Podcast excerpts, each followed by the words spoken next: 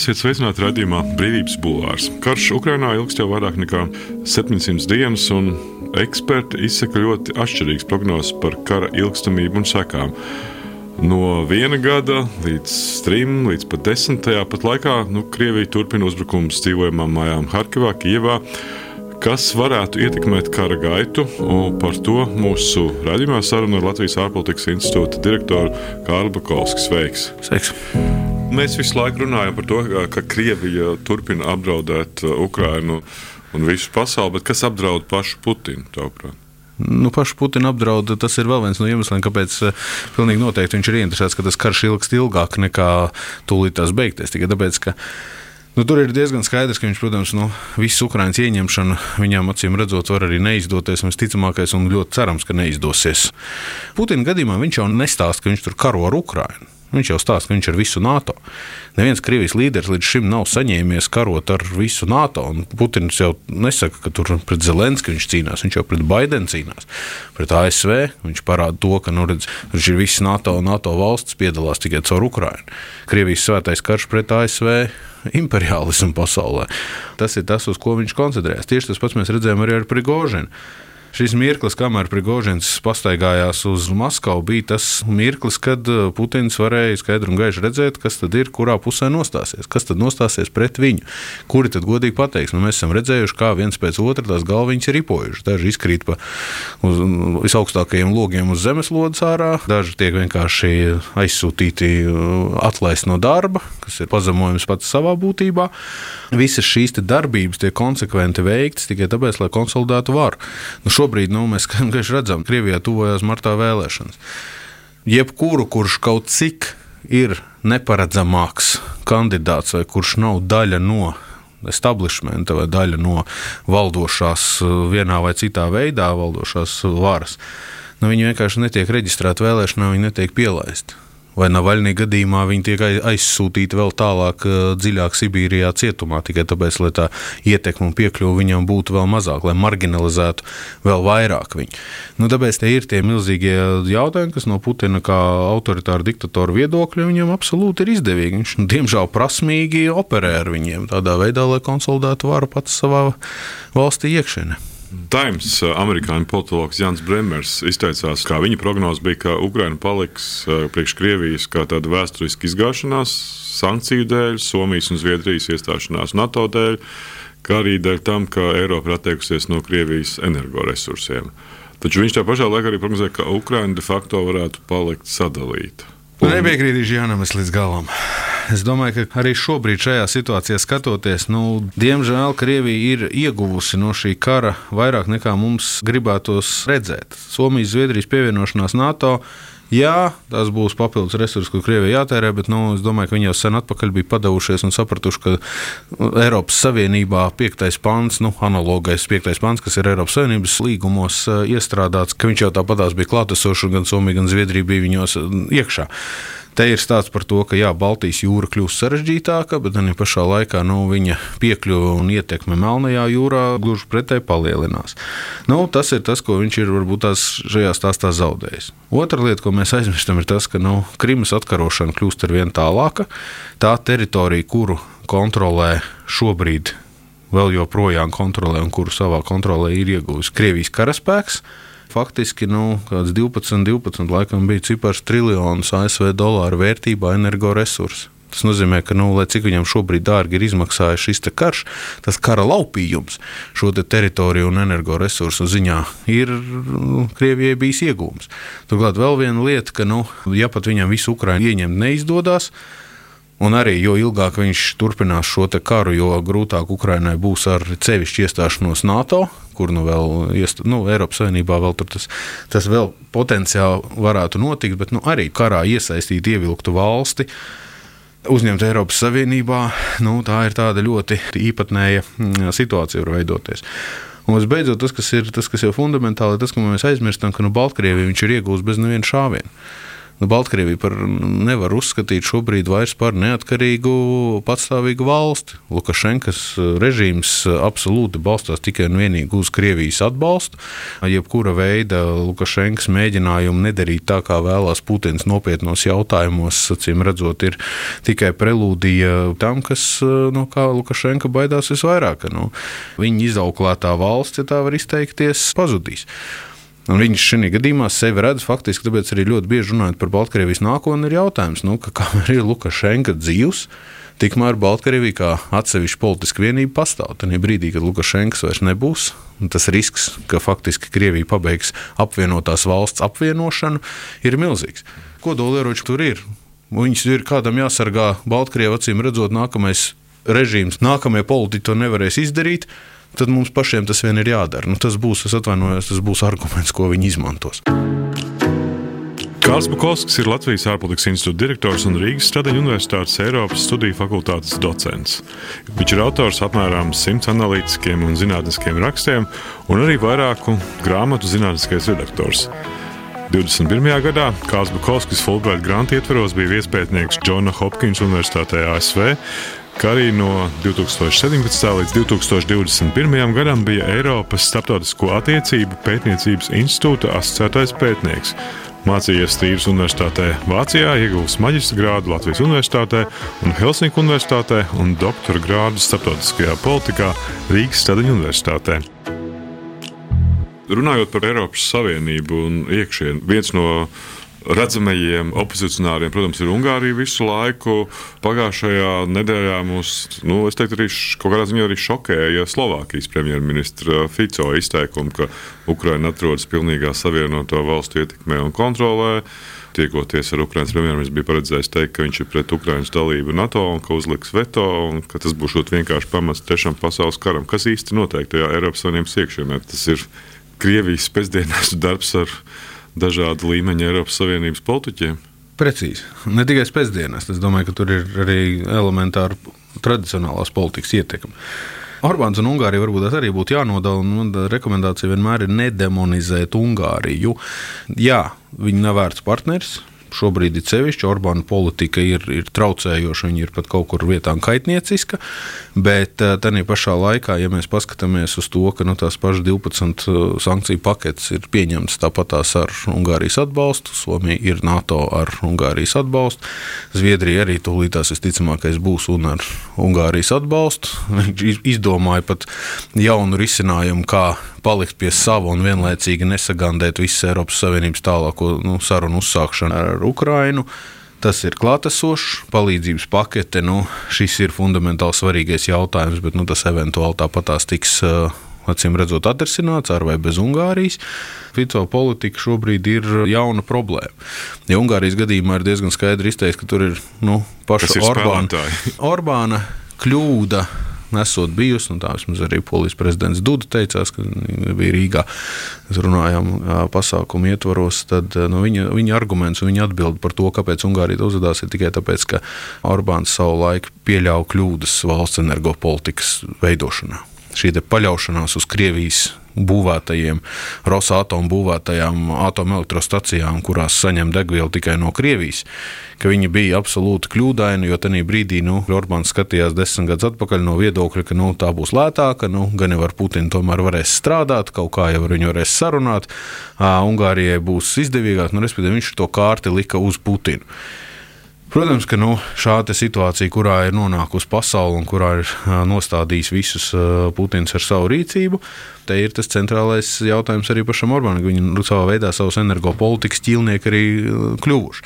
Tāpēc tur var redzēt, ka no vienas puses mēs tā kā runājam vienu, darām citu, tur, kur mēs saprotam, ka nu, mēs esam Eiropas Savienības un NATO valsts, un no turienes mēs ārā stāties nevēlam. Orbāns ļoti labi apzinās, ka Ungārijas sabiedrība ir par Eiropas Savienību. Tur var strīdēties par to, kāda ir Eiropas komisijas loma un cik liela liela ietekme.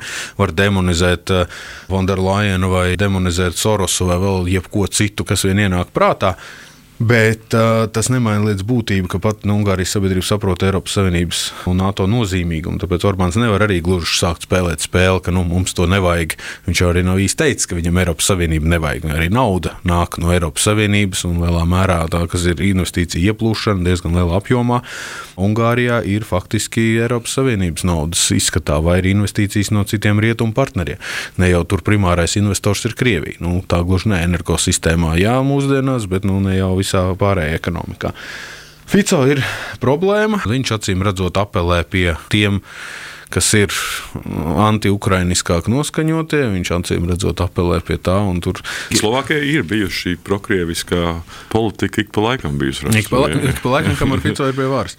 Tas tā ir bijis, jā. Tur ir jautājums, jā, par vai tur spēcdienesti gluži, vai tur ir kāda cita loģika, kas uh, Slovākijai, kas liktos, ka ir daudz atkarīgāka no tās pašas Vācijas ekonomikas, ka viņi pēkšņi ir tik pro-putiniska atsevišķos izteikumos. Vai arī ļoti bieži mums arī nevajadzētu aizmirst, ka tas pat nu, gan Orbāns, gan arī Fico viņam divi apelē pie tās sabiedrības daļas, ceļš par attiecībā uz Ukrajinu. Pie tās sabiedrības daļas, kas ir nogurusi no šī konflikta un kas neuzskata, ka Eiropas Savienībā vajag paplašināties. Un ka faktiski nu, viņi tādā veidā ar, ar domu, ka nu, labi, mēs to pateiksim, mēs iegūsim šos atbalstu balsis un tā tālāk. Kamēr pārējie it kā jau tur tas nu, atbalsts Ukraiņas dalībai vai vispār Eiropas Savienības paplašināšanai pēc statistikas aptauju datiem ir apmēram nu, virs 50% tikai. Tas nozīmē, ka ir faktiski otra puse Eiropas Savienības iedzīvotāji, ieskaitot arī Latvijā, kas neuzskata, ka Ukraiņai vajag virzīties Eiropas Savienības vai Moldovai. Nu, un tad rezultātā nu, ir politiķi, kas to izmanto savā labā. Radījums Brīvības Bulvārs. Sarunas par to, kas notiek un ko mēs par to varam domāt. Ja mēs panelizējam, nu, Špīgala pagājušā gada nogalē bija salīdzinājis, cik daudz palīdz Vācija un cik daudz palīdz Francija. Un tieši tā atšķirība starp Vāciju un Franciju bija tiešām šokējoša tādā apjoma ziņā. Jo, ja Vācijas gadījumā runa par miljardiem, tad Francijas gadījumā bija runa par 570 miljoniem. Kas iezīmē šo, tavuprāt, nu, to kraso atšķirību dažādu Eiropas valstu gatavībā, nu, lielo ekonomiku gatavībā palīdzēt Ukraiņai? Nu, tur ir atkal nu, Francija. Francija vienmēr bijusi īpatnēja. Ukraina varbūt tās nav bijusi Francijas eh, primārajā interešu telpā. Sākumā mēs atceramies, ka ar sākumu arī mēs, Makar, Makrons bija gatavs runāt jebkurā brīdī, jebkurā situācijā. Viņš gribēja kļūt par to, kurš, kurš šo konfliktu atrisināt diplomātiskā ceļā. Nu, Nu, diemžēl viņam tas neizdevās. Godīgi sakot, šobrīd, skatoties atpakaļ, mēs domājam, ka tajā brīdī mēs varbūt nedaudz par to smīnējām, bet no otras puses būtu izdevies, būtu mums cik daudz dzīvības nebūtu, nebūtu aizgājušas bojā, cik cilvēku dzīves nebūtu izpostītas rezultātā.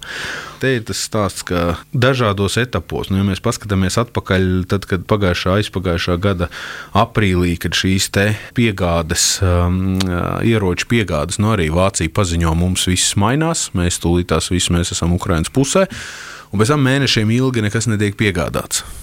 Tas, kas bija ar, lau, par tankiem, tas, kas bija ar munīciju un vispārējo, tur pēkšņi bija tā, ka nu, īsti nezinu, ko piegādāt un cik lielā mērā. Un tas faktiski atkal lielām valstīm, tieši lielām demokrātiskām valstīm, tas ir izteikts process, kā šis mainās. Un vēl viens arguments ir tas, ka nu, Vācijai, nu, mēs ļoti labi zinām iemesls, kāpēc Vācijai labāk nav milzīgs militārais spēks un kapacitātes, un ka nu, nevajag uzkrāt, un tas ir vēsturiskais iemesls. Tā. Bet tas to, ir mainījies. To. Nu, protams, tagad viņš ir mainījies, bet militārā līdera valsts ir Eiropas Savienībā kura? Francija. Tad jautājums ir, ka atbildība primāri būtu jāprasa tieši no Francijas. Kur tad ir jūsu iesaiste, palīdzība un vispār? Kur ir jūsu līderība šajā jautājumā? Kāpēc atkal viss skatās uz Vāciju? Ekonomiski Vācija Skaidrs, lielāka ekonomika, absolūti pasaules mēroga spēlētājs, ietekmīgākā Eiropas Savienības valsts, nu, tur Francija jau pacīnīties. Bet tas, kas ir militāri un drošības jautājumi, nu, Francija, nu, jūs esat vienīgā Eiropas Savienības dalība valsts ar kodolieročiem. Jums ir viena no lielākajām jūras spēkiem pasaulē. Jums ir, jums ir viss, un jūs esat tādā veidā sevi arī pozicionējuši. Tad kāpēc šī gadījumā ir jautājums, kāpēc šobrīd Vācijas sniegtā palīdzība beigu beigās ir lielāka nekā viņa ir no, no Francijas? Kāpēc Makrona politika? Nu, lielā mērā tikai tāpēc, ka atkal Makrona lēkāšana šurpu turpu, ka nu, es varētu mēģināt sarunāt ar Putinu, ne, mums tomēr jāsniedz palīdzība, ne, es varētu to. Nu, nav jau tā, ka Francija nesniedz palīdzību, viņi sniedz palīdzību, bet nu, te, ir, te ir tas stāsts, ka ka rezultātā viņš vienkārši nu, proporcionāli ciparos izskatās uh, mazāks. Tāpēc arī nu, šobrīd, jā, Francija gatavo jau nākamās palīdzības pakas. Nu, tad, attiecīgi, redzēsim, kā tad brīdī mēs to relatīvo daudzumu, kas ir sniegts. Tieši tāpat, kā uzdot jautājumu, nu, kā, kā nākās, ka Latvija ir vislielākais ziedotājs. Proporcionāli 1%, bet vairāk kā 1% no IKP, jā, bet ja, nu, Latvijas gadījumā mēs runājam par simtiem miljonu. Kamēr nu, citu valstu gadījumā mēs runājam par miljardiem. Atgriežoties nedaudz pie, pie tā pirmā jautājuma, nu, Krievija vēl nav redzējusi pašmājās pietiekami daudz asiņu, lai būtu tas spiediens pietiekams, ka Putins varētu sākt domāt par savas politikas mājiņu. Jo, nu, diemžēl tā situācija ir tāda, ka atkal noziedznieku sūtīšana, minoritāšu sūtīšana, arī, arī sociālo-ekonomisko pabērnu sūtīšana, nu, attiecīgi, vai tur ciemata alkoholiķu sūtīšana uz frontes līniju. Nu, tas ir tas, kur Krievijas sabiedrība ir plus-mínus samierinās ar šo korupcijas termītu, izēstie mobilizēto saraksti. Nu, tas ir Krievijas ikdienas dzīve. Tāpēc no Krievijas puses ir spiediens pietiekams to karu pārtraukt. Šo nav redzams. Nu, tagad mēs redzam, ka mātes, sievas, meitas sāk beidzot teikt, nu, kāpēc jūs noziedznieks palaižat brīvībā, un mūsu tiem, kas ir mobilizētie, kāpēc jūs viņiem vienkārši viņus turat un nelaižat vaļā pat tad, kad jūs viņus solījāt laist vaļā. Bet atkal, nu, tu totalitārajai pārvaldē, pie kuras Putins tiecās, Nu, šis, diemžēl, tā ir situācija, kurā viņš atrodas. Viņš ir padomju produkts, viņš ir Brežņeva laika produkts. Viņš ir redzējis, lielākā ģeopolitiskā katastrofa ir PSRS sabrukums. Nu, viņam Gorbačovs laiks, karš Afganistānā, viņš ļoti labi zina, kur ir tās lietas, no kurām bija jāmācās. Kuras ir tās lietas, kuras nedrīkst pieļaut. Un viena no tām lietām, ko nedrīkstēja pieļaut, acīm redzot, viņa skatījumā, ir brīvība. Te nedrīkst pieļaut brīvību. Tev ir brutālā, stingrā veidā jāturpina dzīt uz priekšu tā savu politiku, kas tev ir klātesoša. Brīvība, robežas, personība, vara, tauta, ideja, viedoklis, nākotne, dzīve un attieksme. Raidījums Brīvības Bulvārs. Radījumā Brīvības Bulvārs saruna ar Latvijas ārpolitikas institūta direktoru Kārlu Bukovski. Runājot par to kara darbības un uh, notikumiem, nu, cik ilga tā varētu būt, un domājot par to, kas tad notiks, tie varianti šajā 2024. gadā, Financial Times atsaucoties uz Ukrāņu ierēģiem, rakstīja, ka viņiem ir informācija, ka Krievijas spēki varētu plānot vasarā liela mēroga uzbrukumu Ukrajinā. Tas pats Jans Brēmers tajā pašā Times raksta, ka ir arī variants tāds, ka Ukraina varētu veikt uzbrukumus Krievijā. Jautājums, nu jā, kā Krievi ieraudzīs tās asins, par kurām tu runā, lai viņas sāktu apjēgt. Tad, kad tie cipari Krievijas gadījumā, no jautājums, cik nu viņi ir precīzi un cik nu ir arī Ukraiņas pusē kritušie, bet, ja tur tiešām ir virs 300 tūkstošiem, cim redzot, tas vēl ir par maz. Tāpēc arī tā līķa sūtīšana atpakaļ nenotiek tik aktīvi, tikai tāpēc, lai viņus neredz informēšana par to, ka cilvēki ir nogalināti. Tas nav.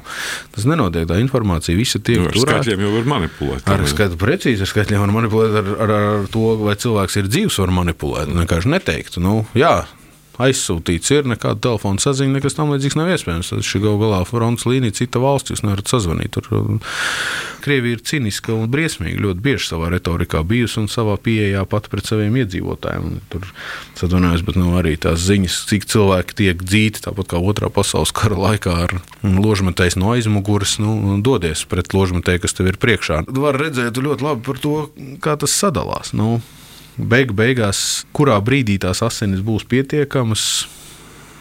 Vienā brīdī būs, bet tas nenozīmē, ka tas automātiski nozīmēs Putina varas beigas. Jo šobrīd, ja mēs tā paskatāmies, Krievija karo proksiju karu, nu, karu citā valstī, viņi nejūt Ukraiņu teritoriju, pilsētas cilvēki cieši. Krievijas gadījumā nu, viņi ir aizsūtījuši uz ārvalsti faktiski karojušās. Plus vēl ļoti bieži arī, nu, ja mēs paskatāmies tehnoloģijas, kas tiek izmantotas, nu, izšauta raķete, tas nozīmē, ka nav bojā gājušā Krievijas karavīra. Tas nozīmē, ka no otrā pusē atkal ir bojā gājušie ukrāņi, vai tie civiliedzīvotāji, vai tie militāri personas. Tāpēc Krievija ar vien vairāk un vairāk spiedīs tieši uz šo raķešu arsenālu, acīm redzot, un uz bombardēšanām. Un tas, ka Ukrāņi šajā gadījumā spiedīs uz to, lai tās raķetes var notriekt nost un to, ka viņi mēģinās atkarot teritorijas, nu tā tas karš, diemžēl, šurp turpu arī faktiski arī, kur ir citi analītiķi, kas ir skaidri un gaiši teikuši, ka nu, šobrīd tā pārbīdīšanās notiek ļoti minimālos apmēros. Mēs runājam par tranšēju kāru, kas sāk pakāpeniski veidoties. Protams, ka nu, tranšējas ir relatīvi novecojis risinājums salīdzinājumā ar to, kas, cik liela bija tranšēja nozīme Pirmā pasaules kara laikā. Bet eh, nu, runa ir par to, kādā veidā šī viena un otra puse karo un cik tad ir pabīdījusies būtiski šī frontes līnija. Ukraiņi pavasarī izdevās ofensīvā kaut kādas daļas ieņemt atpakaļ, bet nav, diemžēl neizdevās dabu atkarot visu. Un tas arī liek uzdot jautājumus no militārās taktikas viedokļa. Par Ukrāņiem. Nu, respektīvi, tas ir tas, kas rietumu valstīs bieži vien nu, mēs dodam palīdzību, mēs dodam resursus, mēs ražojam, mēs dodam vai aizdodam, bet beigu beigās nu, šis te atlikums no solītā pretuzbrukuma vai no kaut kā tamlīdzīga, nu, viņš nav pietiekami liels. Tad varbūt tas, ka jūs kaut kas nepareizi līdz galam izmantojat šos resursus. Varbūt, jo nu, daļa no procesa ir tas, ka gan Krievijas uzbrukumi ir frontāli plaši, ne, līdzīgi arī Ukraiņas pretuzbrukumi ir frontāli un plaši. Krievija uzbruks. Tieši tāpat kā Ukraiņa uzbruks, un Ukraiņa aizstāvēsies un uzbruks atpakaļ. Šis ir tāds nu, klasisks konvencionālais karš, kur mēs šo varam novērot. Šis nav cīnīties pret teroristiem vai cīnīties pret partizāniem mežā. Šeit ir cīņa, kas ir frontāli un viens karaspēks pret otru karaspēku, viena ierakuma līnijas pret otriem ierakuma līnijām, viena nocietinājuma pret otriem. Radījums Brīvības Bulvārs. Sarunas par to, kas notiek un ko mēs par to varam domāt. Kā tu raugies uz to versiju, ko izsaka, ka Eiropā tuvāko 10 vai 20 gadu laikā ir arī tāda versija, jābūt gataviem NATO karam ar Krieviju? Šo es ieteiktu uzmanīties. Tikai tāpēc, ka Ne, var uztvert dažādi. Tas var būt vienkārši strateģiska aizsardzības pozīcija vai arī reāli draudi. Tur ir divi, tur ir divi elementi. Man pirmais siltais ieteikums būtu, ka tūlītēji draudi no Krievijas puses nav un nevienai no Eiropas Savienības vai NATO valstīm. To ir vērts atcerēties. Otra lieta ir tas, ka mēs šeit esam pieraduši un mēs esam jau mobilizēti un šobrīd pārbūvējam un būvējam vēl tikai aizsardzības uh, sistēmas un aizsardzības robežas pret Krievijas, Baltkrievijas potenciālu vai Krievijas caur Baltkrieviju vai Krievijas un Baltkrievijas apvienotās valsts uzbrukumu kādā brīdī, kas varētu varbūt notikt. Bet rietumvalstīs, tā pašā Vācijā, Nīderlandē un daudz kur citur, papildus budžeta resursu veltīšana karam, par kuru nu, pat trīs paudžu garumā cilvēki jau bija aizmirsuši, un viņiem tā nav realitāte. Aptuveni no sērijas tas ir kaut kur citur notiek, tas nenotiek pie mums, un ka viņiem faktiski šīs. Atgādinājums par to, ka nē, zinot, ko izskatās, ka tas var notikt arī šeit, ja mēs negatavosimies. Citu rietumu valstu sabiedrību mobilizēšanai domātās ziņas, vai tur noplūdušie dokumenti, vai kaut kas tamlīdzīgs. Tas nu, mums nevajadzētu šos uzreiz automātiski uztvert, ka viņi tā arī piepildīsies. Viņi tiešām ir domāti, lai iekustinātu dramatiskā veidā atbalstu Ukrainai un arī pašiem savus militāro kapacitāšu celšanai. Pārliecināt sabiedrību, pateikt sabiedrībai to, ka, nu, ziniet, diemžēl nav tie apstākļi vairs tādi, kur mēs varam militāriem budžetam nekādu naudu neveltīt. Tas ir primārais. Otrs ir tas, ka, ja tu pats sev nesargās, tad neviens cits tev arī nesargās. Un tā doma ir tāda, ka mums faktiski ir jābūt gataviem cik nu vien var scenārijiem, kas ir paredzami. Un te ir stāsts par to, ka, ja Krievija redzēs, ka cena mūsu uzbrukumam Baltijas valstīm, Somijai vai jebkurai citai NATO valstī ir pārāk augsta, tad, protams, viņi to nedarīs. Mūsu cena ir jākāpina, cik nu mēs vien varam.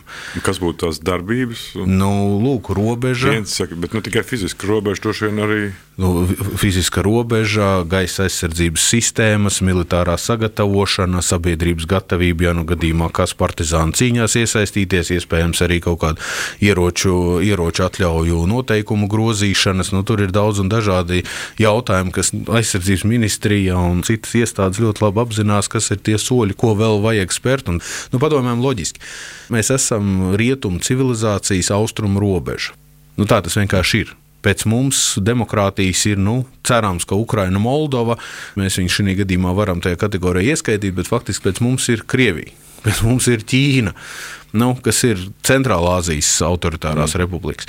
Nu, kad faktiski ir tas stāsts, ka nu, mēs esam NATO ārējā robeža, nu, mums arī jāuzvedās ir atbilstoši. Nu, tā nu ir sanācis, ka mēs esam pirmā aizsardzības līnija. Mēs mēģinājām ģeopolitiski, diplomātiski panākt to, ka tā ir Baltkrievija, ka tā ir Grūzija, Centrālā Azijas. Mēs spēlējām šo te, uh, politisko spēli, mēģinot pārliecināt, beig beigās Ukraina ir kļuvusi par faktiski pirmo aizsardzības līniju šobrīd, bet mums ir jārēķinās apzinās, ka nu, mēs tepatās Krievijai blakus esam.